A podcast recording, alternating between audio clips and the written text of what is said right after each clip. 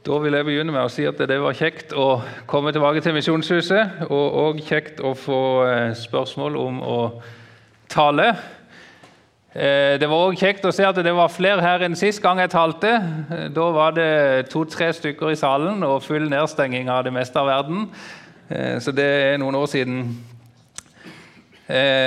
Vi skal begynne med å så eller vi skal nesten begynne med å lese teksten. Vi skal ta oss og be først i sammen. Kjære far, takk for at eh, vi får komme inn i ditt hus og høre det som du vil tale til oss. Vi ber deg nå at du må legge dine ord i min munn, og at du må tale til oss hver enkelt det som vi trenger å høre fra deg. I Jesu navn. Amen. Er det dobbel mikrofon nå, eller er det Nei. Det er bra. Da eh, skal jeg lese fra eh, Matteus 7, og så begynner jeg fra vers 13.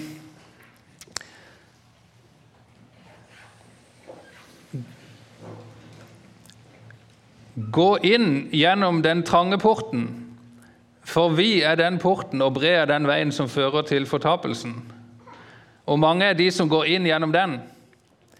For trang er den porten, og smal er den veien som fører til livet, og få er de som finner den. Vokt dere for de falske profetene. De kommer til dere i fåreham, men innvendig er de glupende ulver. På fruktene skal dere kjenne dem. Sanker en vel druer av tornebusker, eller fiken av tistler? Slik bærer hvert godt tre god frukt, men et dårlig tre bærer dårlig frukt. Et godt tre kan ikke bære dårlig frukt. Heller ikke kan et dårlig tre bære god frukt. Hvert tre som ikke bærer god frukt, blir hogd ned og kastet på ilden. Derfor skal dere kjenne dem på deres frukter. Ikke enhver som sier til meg, Herre, Herre, skal komme inn i himlenes rike, men den som gjør min himmelske Fars vilje. Mange skal si til meg på den dagen, Herre, Herre, har vi ikke profetert i ditt navn, drevet ut onde ånder i ditt navn og gjort mange kraftige gjerninger i ditt navn? Amen. For de som har eh, lest teksten på forhånd, så la dere merke til nå sikkert at jeg leste to vers før og to vers etter det som er søndagens tekst. Eh, søndagens tekst er fra vers 15 til 20 om de falske profetene. og Den står i en kontekst av bergprekenen og disse versene også, som jeg leste før og etter. Eh, og jeg tenkte at Særlig de versene før var viktig å få med her, fordi det sier noe om hva som står på spill når vi går inn i den teksten om de falske profetene. Det tales om en trang port og en smal vei, i motsetning til en brei vei og en vid port. Det er åpenbart at her er det frelse og fortapelse som står på spill. Det er veien som fører til livet, og veien som fører til fortapelsen. Det er den smale og brede vei, den trange og vide port. Og det er spørsmålet om du er på vei til himmelen, eller om du er på vei eller i ferd med å bli lokka bort fra den smale vei og over på en vei som ender i fortapelsen. Det er det som er bakgrunnskonteksten til talen om de falske profetene. Hvilken vei er du på, og pass på at du ikke blir lokka over på feil vei. Det er ganske åpenbart at den brede og den smale vei de går i motsatt retning. Den ene går til himmelen, den andre går til fortapelsen. Og Noen har sagt det sånn at den smale veien den går midt på den brede, bare i motsatt retning. Og Det kan være ganske illustrerende, for det betyr at går du på den smale vei, så vil du møte en del som går i motsatt retning. Du vil kanskje møte flest som går i motsatt retning. Kanskje møter du òg mange stemmer som enten lokker eller truer det er i feil retning. Og kanskje møter du et massivt trykk den andre veien. Det blir jo gjerne sånn hvis en går på en vei i én retning. Jeg vet ikke om dere av og til har prøvd å gå inn liksom i feil retning en eller annen plass det er enveiskjørt. Og så møter du mange flere som kommer andre veien. Da blir det liksom et massivt trykk, et gruppepress, for å gå andre veien. Og Mange kristne har opplevd akkurat det. For mange så har vandringa på den smale vei ført gjennom fengselsopphold, gjennom mishandling og tortur, gjennom hån og spott, gjennom tapsopplevelse av forskjellige slag. Men likevel så har de fortsatt på den veien som fører til livet.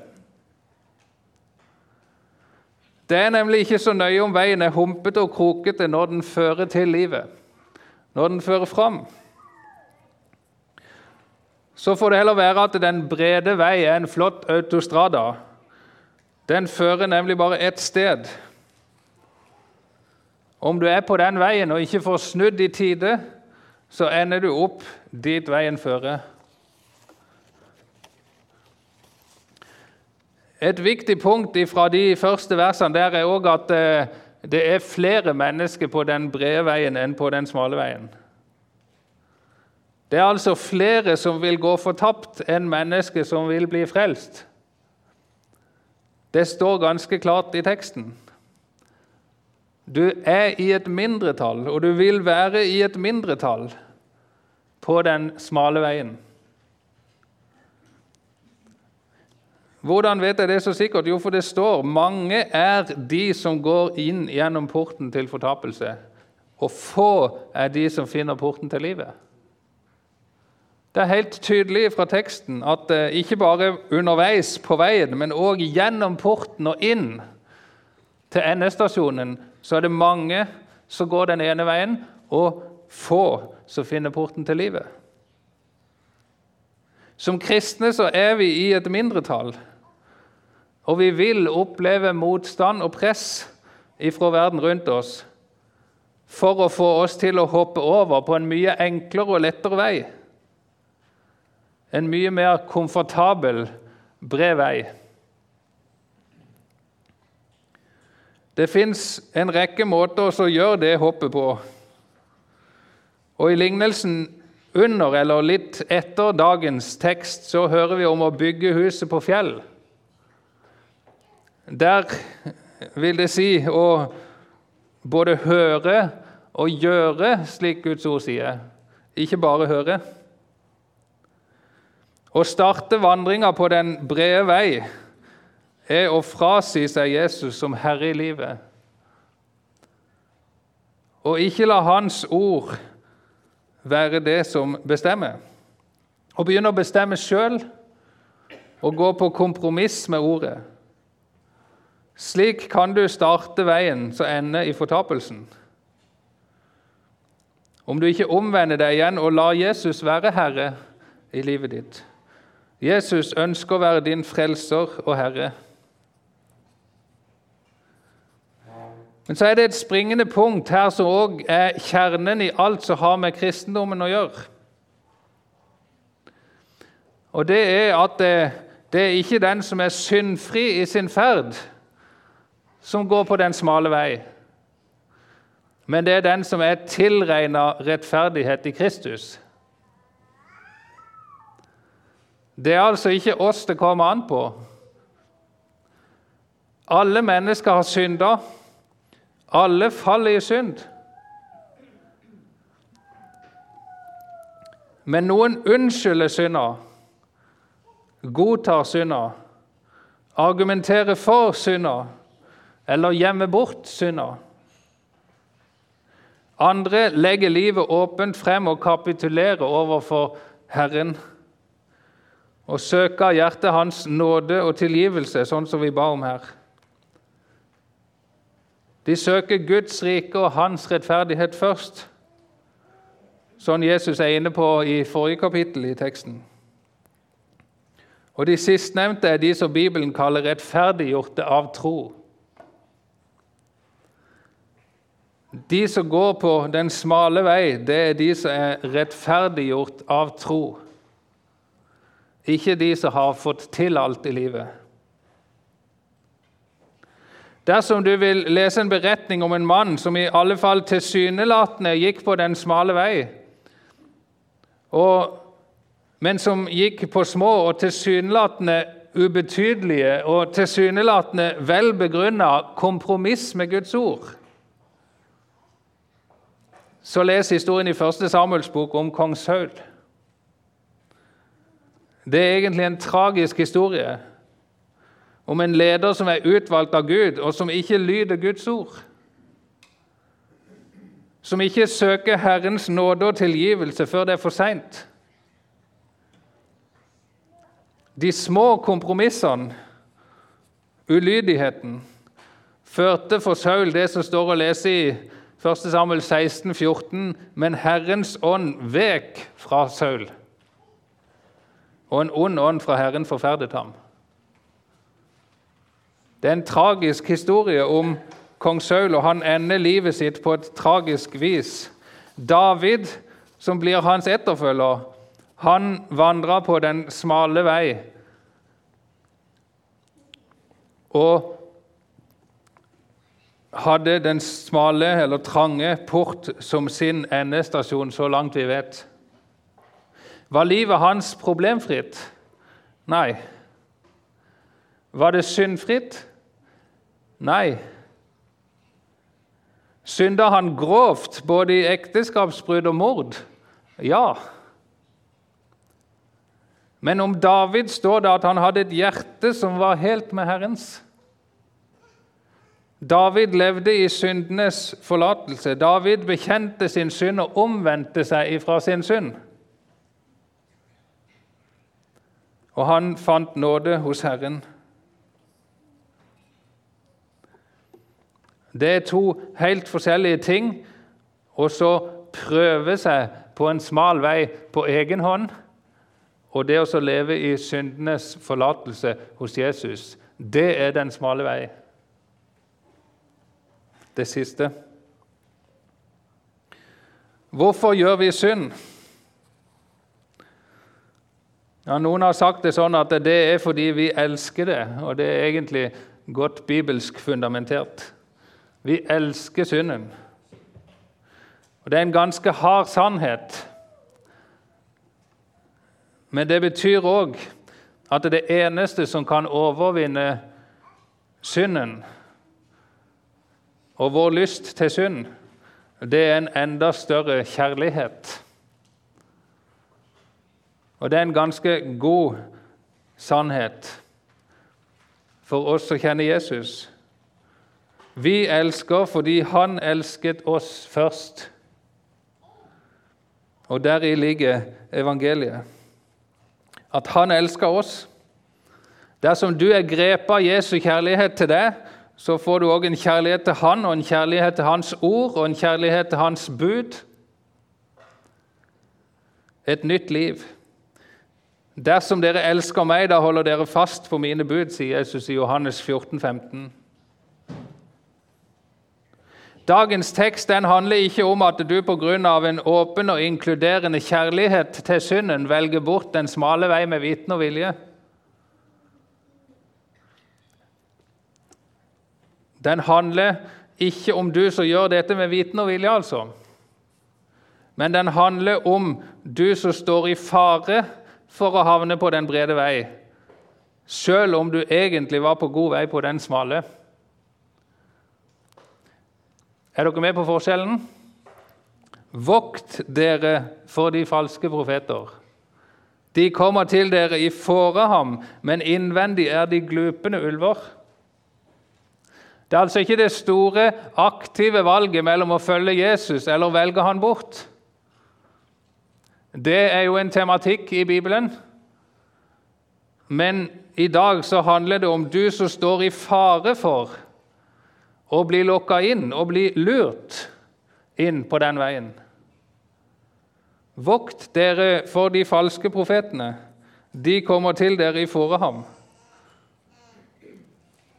Vi får beskjed om å vokte oss for falske profeter. Og Det som karakteriserer de falske profetene, er at de ser ut som ekte profeter. De ser ut som folk som taler Guds ord. De ser ut som men of God, som det heter på utenlandsk. De ligner tilfeldigvis eller tilforlatelig på ekte kristne. De har fåret ham, står det. Jeg vet ikke om det er et godt norsk ord, men det betyr saueskinn. I saueflokken så er det noen som innvendig er ulver. Men så går de med saueskinn og er vanskelig å kjenne igjen. Kan falske profeter være kristne? Kan dette være snakk om kristne som vitner falskt om Gud? Jeg tror ikke det. Det er en ulvenatur innvendig her. Og det er et saueskinn som er lagt oppå. Du blir ikke sau av å legge et saueskinn oppå en ulv. Det fins kristne som tar feil i ulike spørsmål. Paulus han måtte f.eks. irettesette Peter når Peter hadde opptrådt feil. Det leser vi om i Galaterbrevet 2. Frelsen beror ikke på å ha rett i alle teologiske spørsmål, men på å ha Jesus Kristus som frelser og Herre. Det, da er Guds ord òg autoritet i livet ditt, og du søker å innordne deg under det. Opp igjennom tida så har kristne vært uenige om mangt og mye. og Selv om det ikke er sånn at alt er relativt, men snarere sånn at det fins et rett syn, så er det likevel ikke nødvendigvis edsbetydende med å være en frafallen om du f.eks. tror at det er en bortrykkelse før trengselen eller etter trengselen, eller om du holder den ene eller andre dagen for å være hellig. Noen holder sabbaten, noen holder søndagen, og mange legger veldig mye forskjellig i hva det hviledagsbudet egentlig skal få bety for meg. Vi vokser i kjennskap og kunnskap som kristne. Det er i alle fall det som er meninga at vi skal.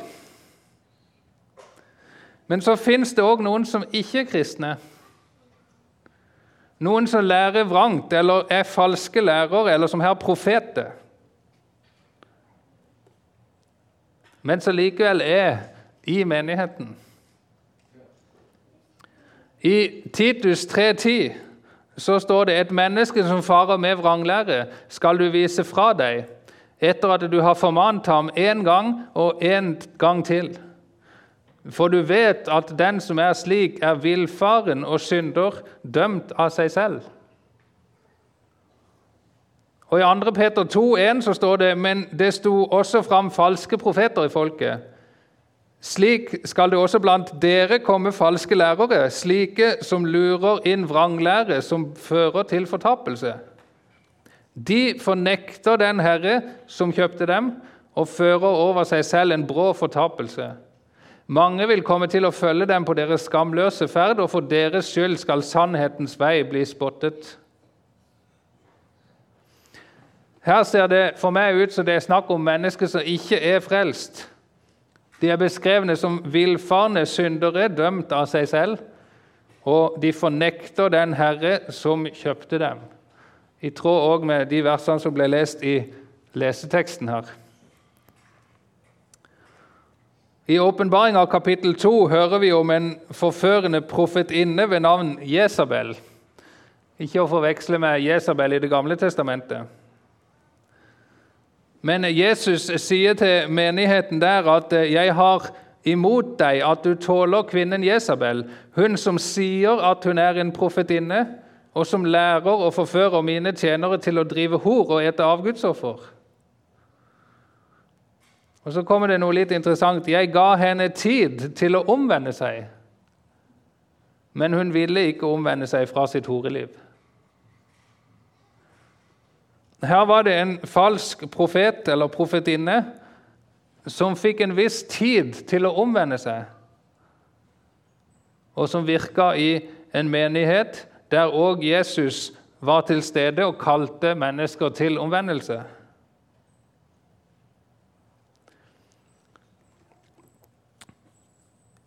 Var Jesabel på et tidspunkt et gjenfødt Guds barn? Spørsmålstegn. Var hun det eventuelt òg etter at hun begynte på en vandring mot å forføre folk?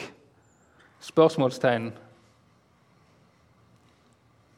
I alle fall så ser det ut som at hun etter hvert mista frelsen, om hun har hatt den. Og Jeg tror ikke vi helt ser svaret på det, iallfall i den teksten. Men jeg tror kanskje at en falsk profet som hun egentlig aldri har vært gjenfødt. Kanskje var hun bare født inn i en kristen familie, f.eks., som gikk på bedehuset, og som stort sett oppførte seg greit.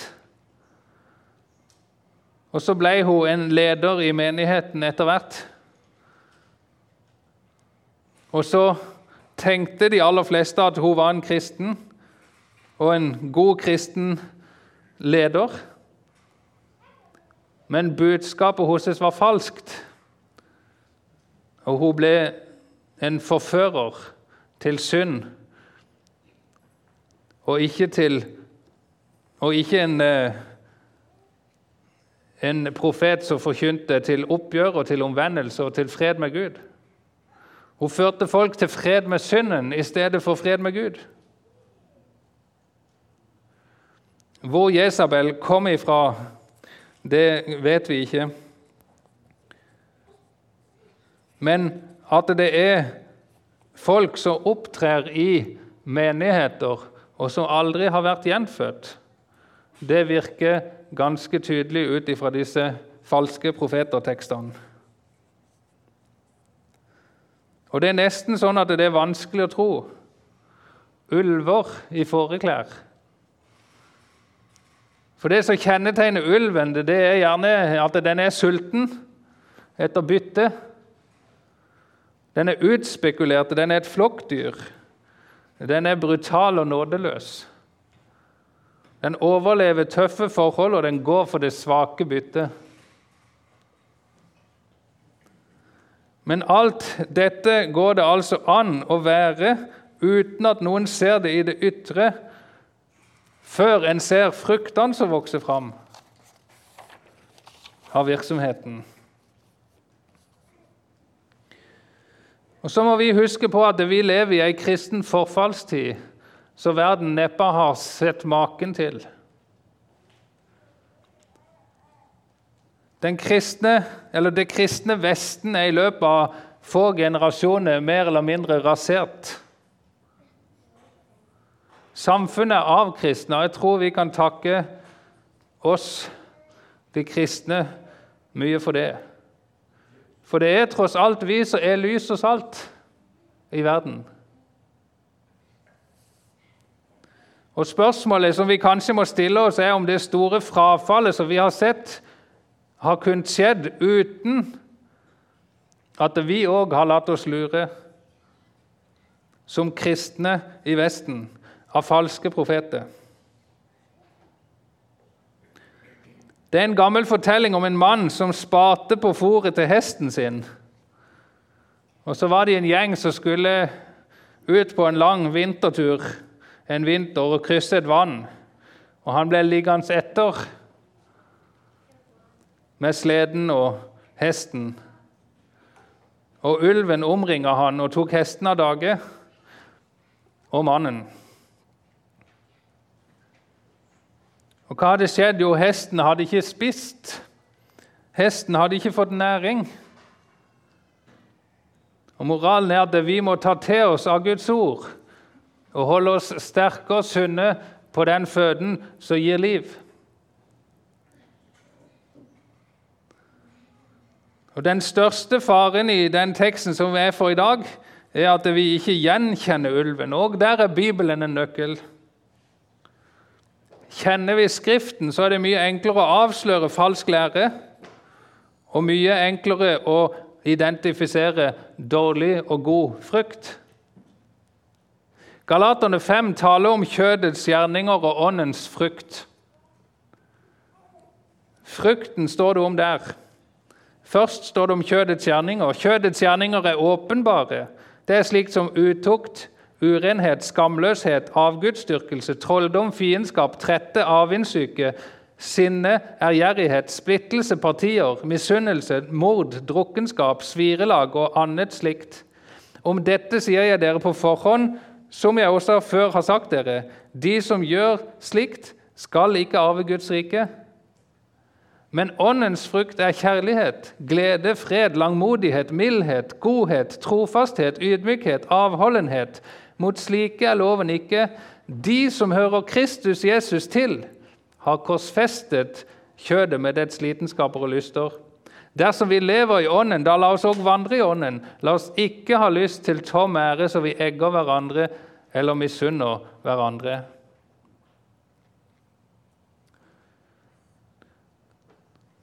Og så er det litt interessant å se òg Interessant er sikkert feil ord, men allikevel litt Hva skal vi si for noe? Utfordrende å se at de første ordene på hver sin kant det er utukt og kjærlighet. Det handler om utenom om ekteskapelige seksuelle relasjoner på den ene sida, og om ekte kjærlighet på den andre. Moikeia og agape, de greske ordene. Og Også i Åpenbaringen 2 så hørte vi om hor som en aktuell følge av forførelse. Og så er det mange andre gode og dårlige frukter. Men det er heller ingen tvil om at det seksuelle står i en særstilling i Guds ord. Det gjør faktisk det, selv om jeg ikke liker å si det. En hører av og til at seksuelle synder ikke er mer alvorlige enn andre synder. På én måte så er det sant. For all synd skiller ifra Gud. Men for det andre så er et sånt utsagn en generell nedtoning av alvoret i synd. For all synd er alvorlig, nettopp fordi det skylder i forholdet til Gud.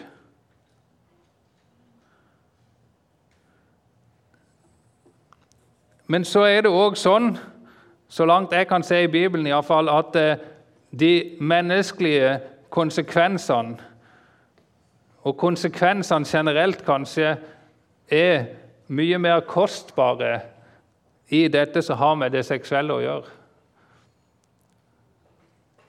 Og Vi ser det i verden i dag. Og Vi kan lese f.eks. Romerne 1 og se hvordan disse tingene spiller inn i en frafallen verden. Eller i tekstene i 1. Korinterbrev 6 om kroppen som Guds tempel. Det er noen ting her som er svært ødeleggende.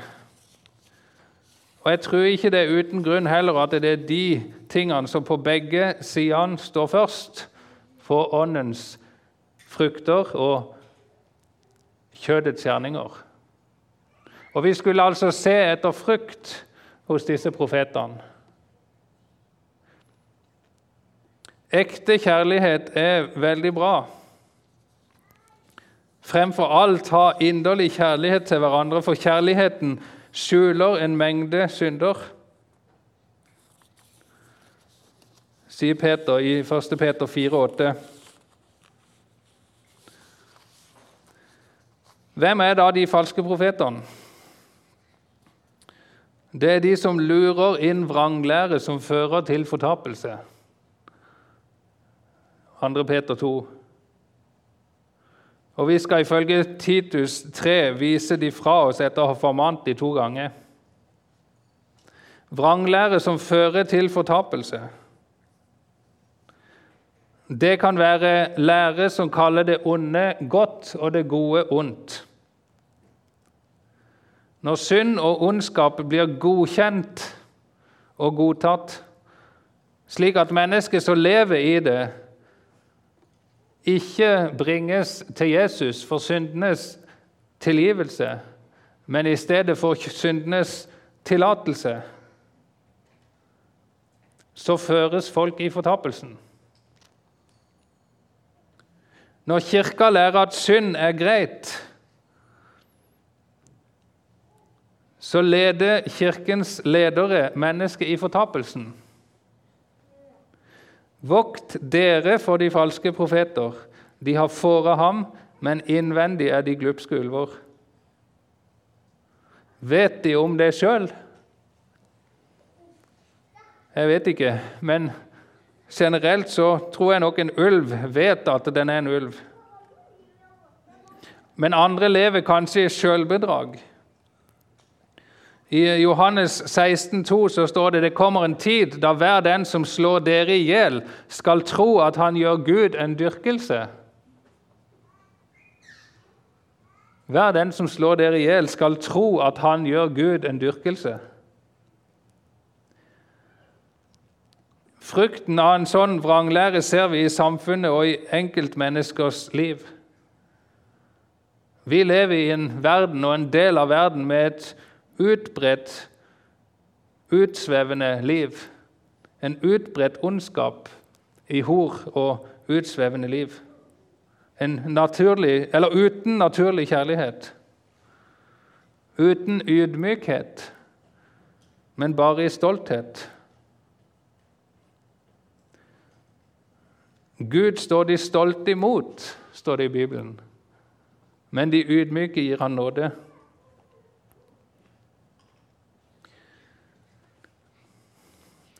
Og så fins det tilgivelse og oppreisning for alle som venner seg til Jesus. For alle som finner nåde hos Jesus. For alle. Det mest inkluderende her i verden, det er evangeliet. Det gjelder alle.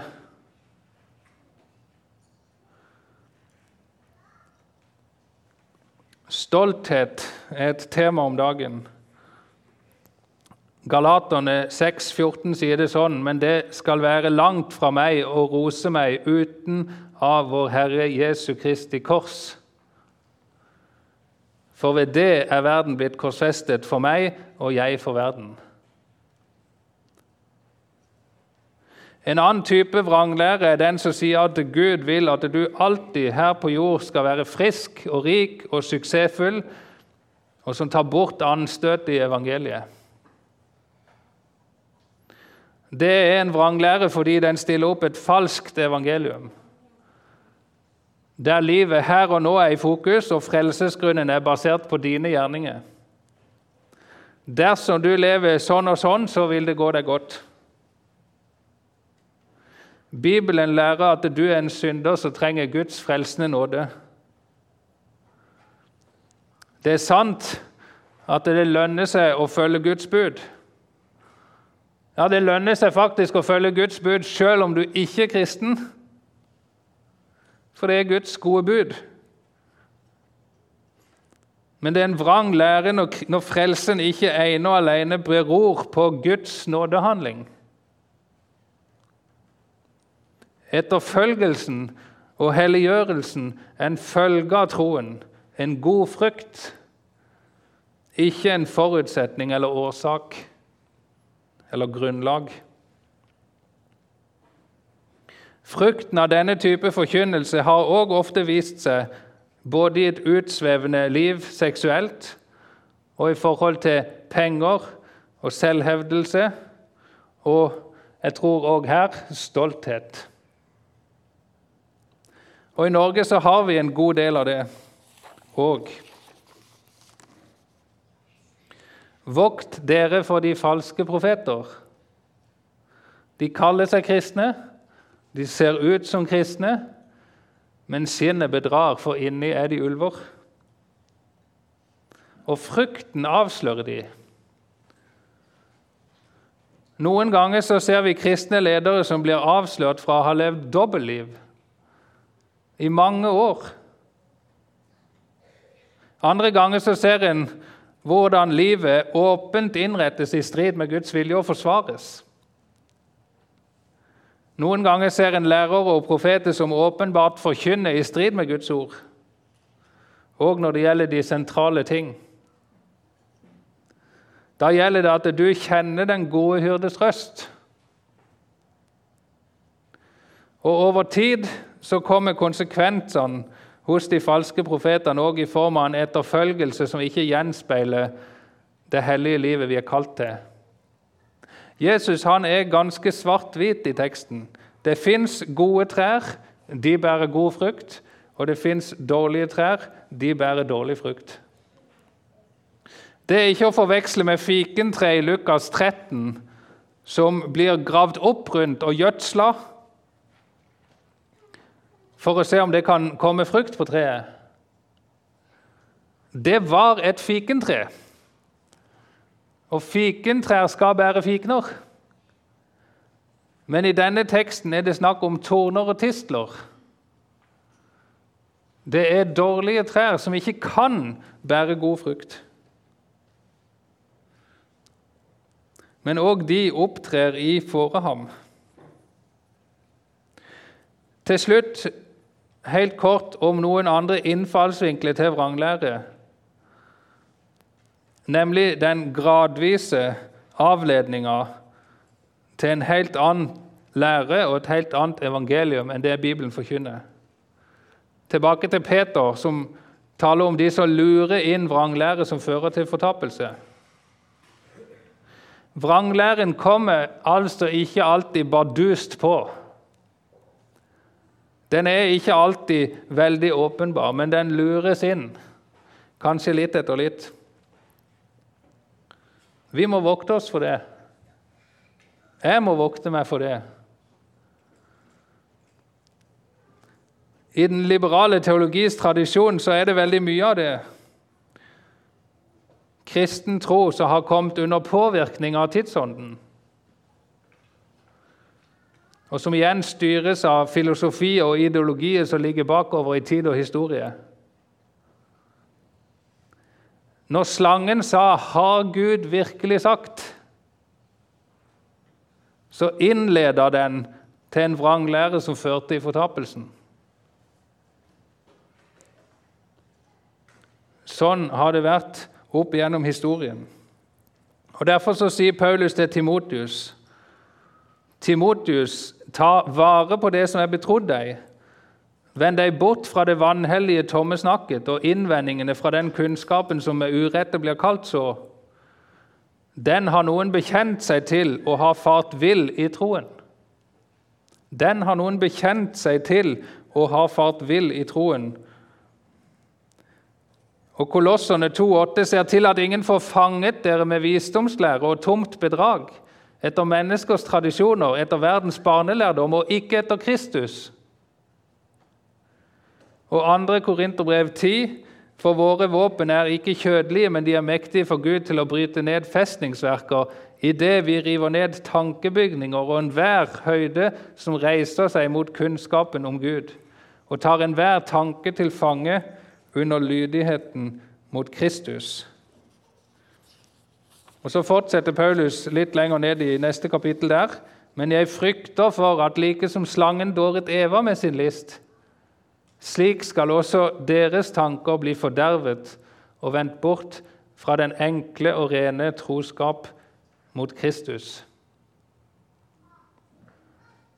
Den enkle og rene troskap mot Kristus er òg den enkle og rene troskap mot Ordet. Vi har alt i 2. Peter 2 vært innom eh, eller Vi har allerede vært innom det avsnittet der, og i Judas' brev så leser vi en lignende tekst om vranglære og om Guds dom over vranglærerne. Og Der får vi òg høre denne formaninga om å stride for den troen som en gang for alle er blitt overgitt til de hellige Judas 3b. Strid for den troen som en gang er blitt overgitt til de hellige. Og Så hører vi om eksempler på det motsatte, om Sodoma og Gomorra og dommen over de. Om de som har slått inn på Kains vei, står det, gjerningsreligionen. Om de som har kastet seg ut i Biliams villfarelse, som altså ble avleda til å drive hor. Om de som har gått under ved Koras gjenstridighet, altså opprøret mot Guds forordna ledelse. Alle tre meget aktuelle veier, eller avveier, som vi kunne sagt mye mer om. Men Judas han avslutter Men dere, kjære, oppbygg dere på deres høyhellige tro. Be i Den hellige ånd og hold dere slik i Guds kjærlighet mens dere venter på vår Herre Jesu Kristi miskunn til evig liv. Og helt til slutt der, men Han som er mektig til å verne om dere, så dere ikke snubler, og til å stille dere ulastelige fram for sin herlighet i fryd. Den eneste Gud, vår Frelser, ved Jesus Kristus, vår Herre. Ham tilhører herlighet, storhet, styrke og makt for alt, før all tid og nå og i all evighet. Amen. Skal vi be? Kjære far, takk for at vi har fått ditt ord. Takk for at eh, du har gitt oss ditt ord gjennom tusen år i Norge. Takk for at vi har fått vokse opp i et land der ditt ord har blitt forkynt, både i heimer og i bedehus, kirker. Takk for at du har latt ditt ord lyde òg her i Misjonshuset. Takk for at du har latt meg få høre ditt ord. Og kjære far, så ser du at i møte med alle disse tingene som denne teksten taler om, så er både jeg og alle oss egentlig helt hjelpeløse uten din nåde og din omsorg. Du er hyrden, så vi må holde oss til for å være trygge. Og Så ber vi deg om at du må avsløre falsk lære, falske profeter. At du må avsløre vranglære. Om det er noe i oss eller i våre sammenhenger, og generelt i verden, Jesus. Og at du må bryte ned den kunnskapen som reiser seg mot den enkle og rene troskapen mot deg, Jesus, og din kunnskap og din visdom. Vil du la oss forholde oss til ditt ord, og la oss holde oss nær til du som er den gode hyrde. Det ber vi om i Jesu navn. Amen.